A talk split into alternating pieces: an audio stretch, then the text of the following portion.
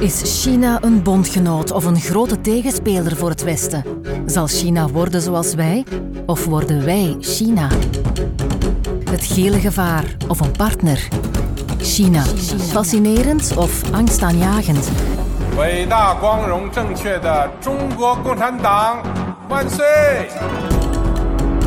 Wordt China de nieuwe wereldmacht? Veel vragen, nog meer antwoorden in de podcast het Rijk van het Midden met communicatie-expert Dimitri Stuur.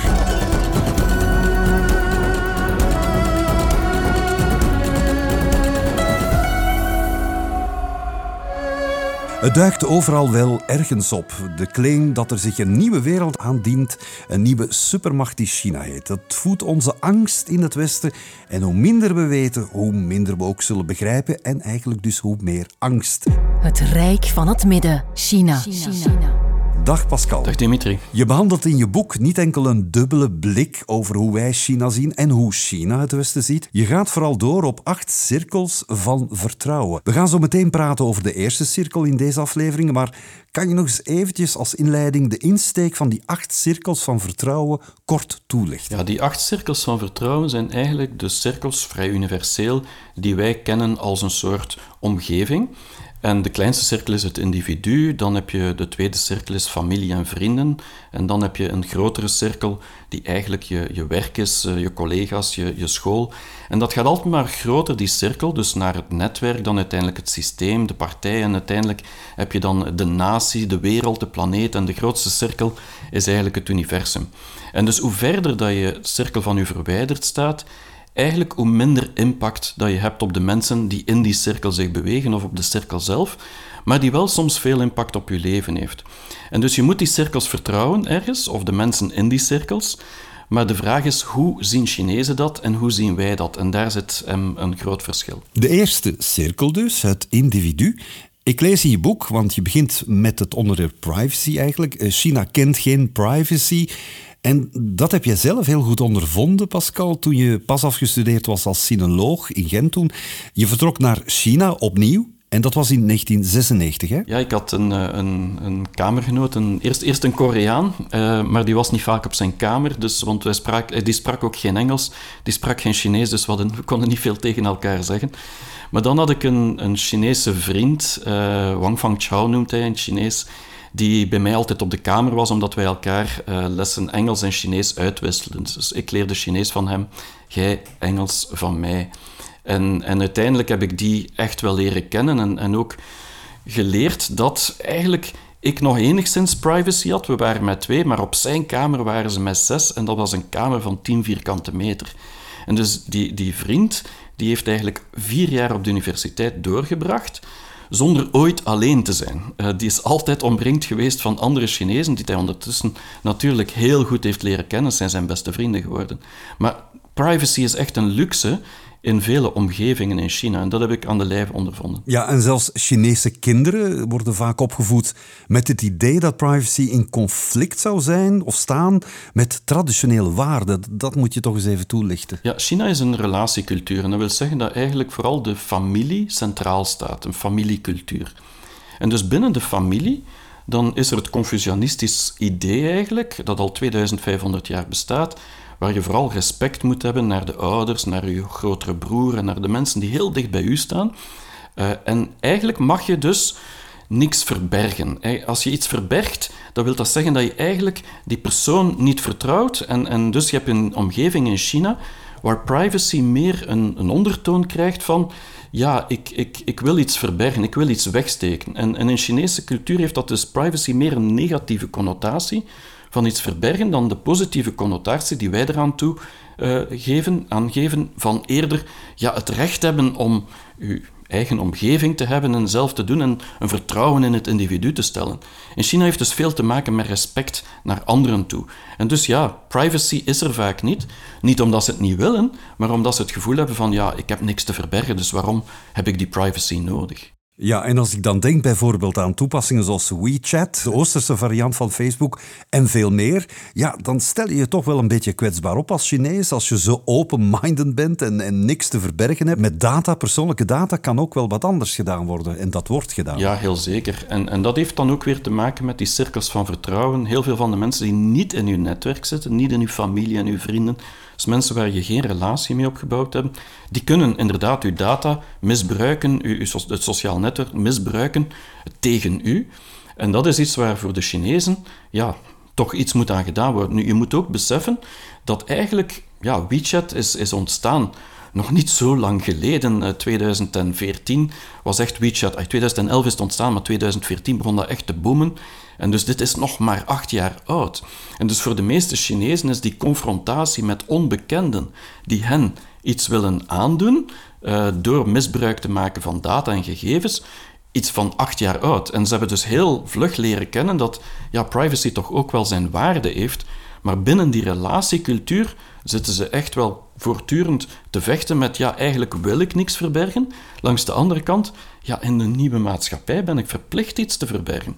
En zij zijn dus aan het leren hoe dat ze meer aandacht moeten hebben voor privacy. En dat is allemaal heel jong. Ja, dus eigenlijk zeg je, de doorsnee Chinees, het individu, gaat zich meer bewust worden van misschien toch wat meer privacy. Ze, gaan zich, ze zijn zich al meer bewust van privacy, vooral de jongere mensen, omdat die ja, ook meer... Uh, eigenlijk uh, de wereld hebben gezien, meer informatie hebben, ook op andere sociale netwerken zitten en ook de nadelen er meer van gezien hebben.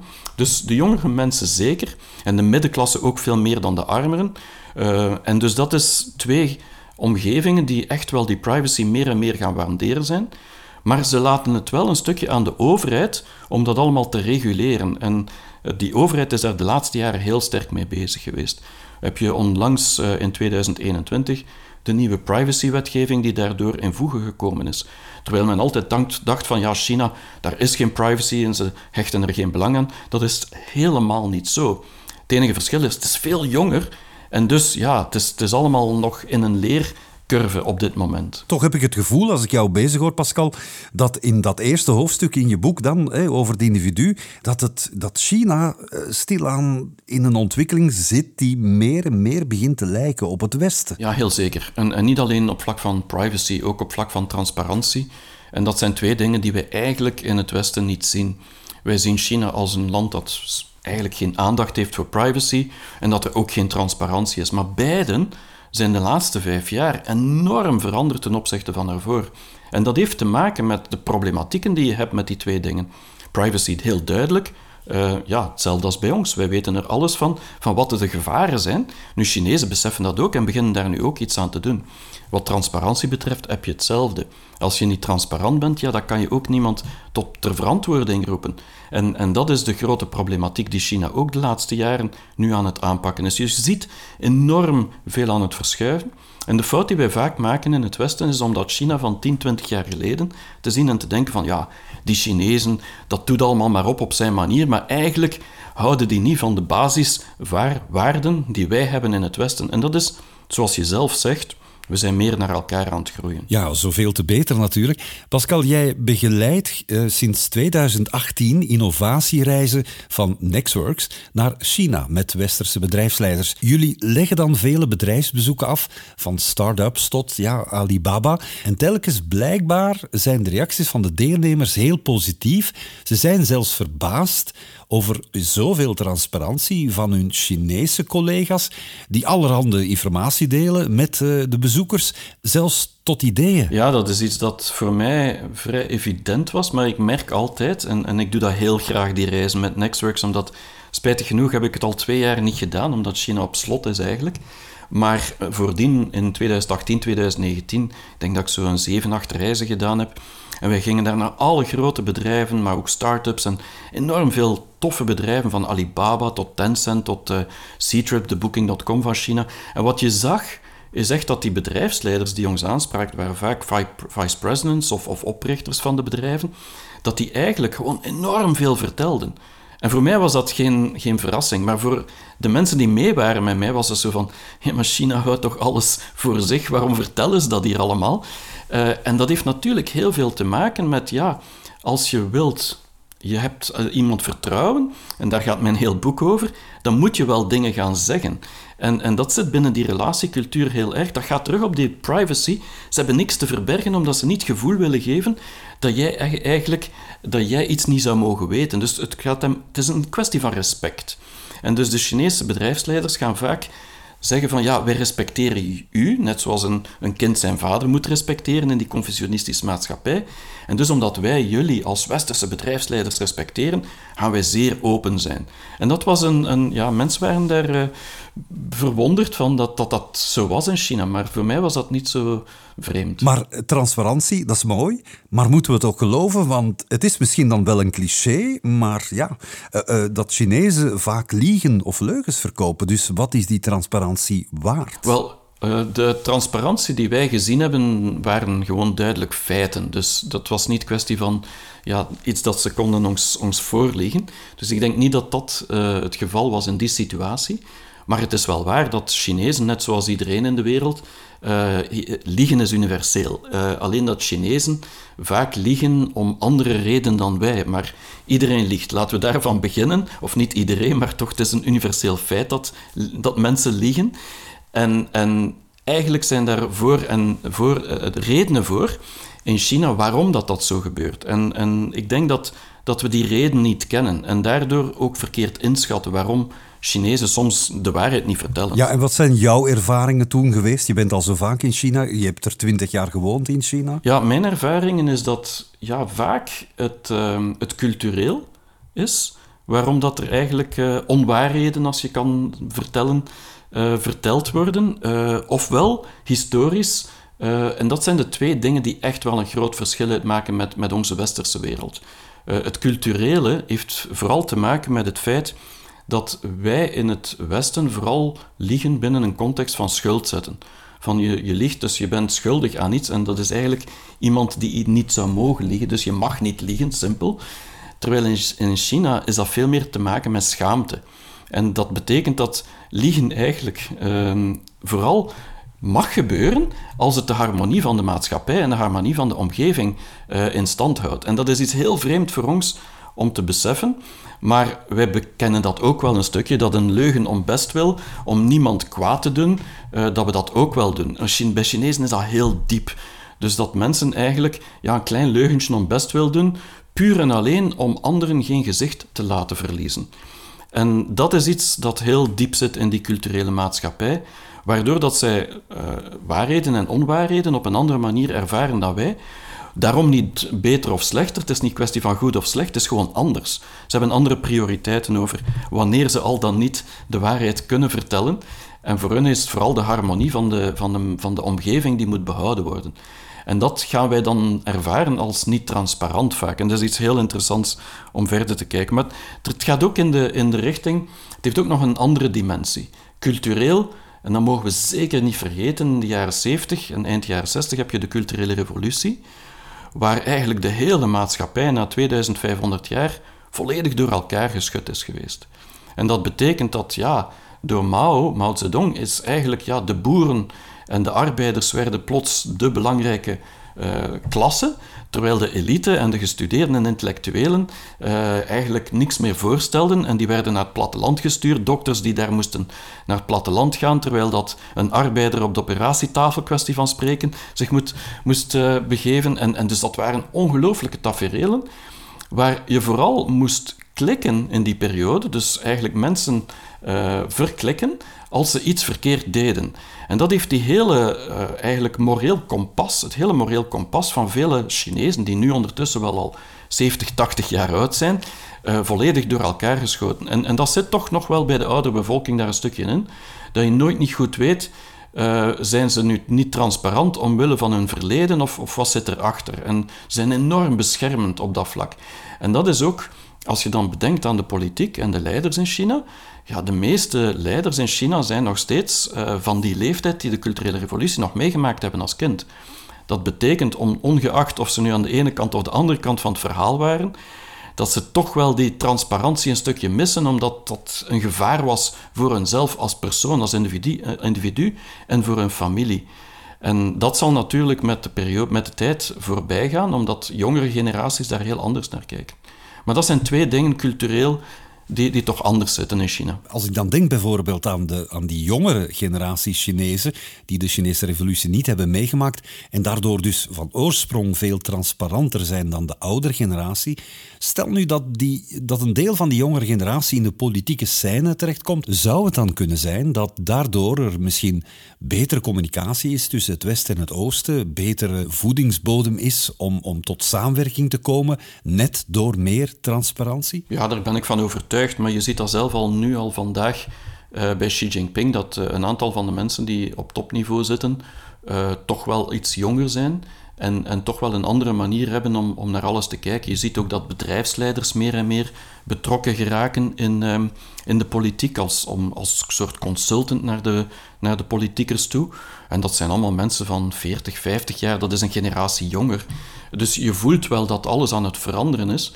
En, en we mogen zeker niet onderschatten de, de, inspraak die uiteindelijk de jongere bevolking heeft vandaag de dag uh, in, in het beleid van China. Misschien niet op het centraal niveau in Beijing, maar zeker op lokaal niveau. Er zijn ongelooflijke veranderingen die aan het gebeuren zijn. Dus je voelt gewoon dat China aan het verjongen is. En, en, elke tien jaar heb je een ander beleid in China, ook een stukje, omdat ja, die oudere garde ja, er niet meer is of niet meer zal zijn binnenkort. En dat wordt langzaamaan uh, aan, is dat aan het veranderen en zal ook dichter bij ons komen.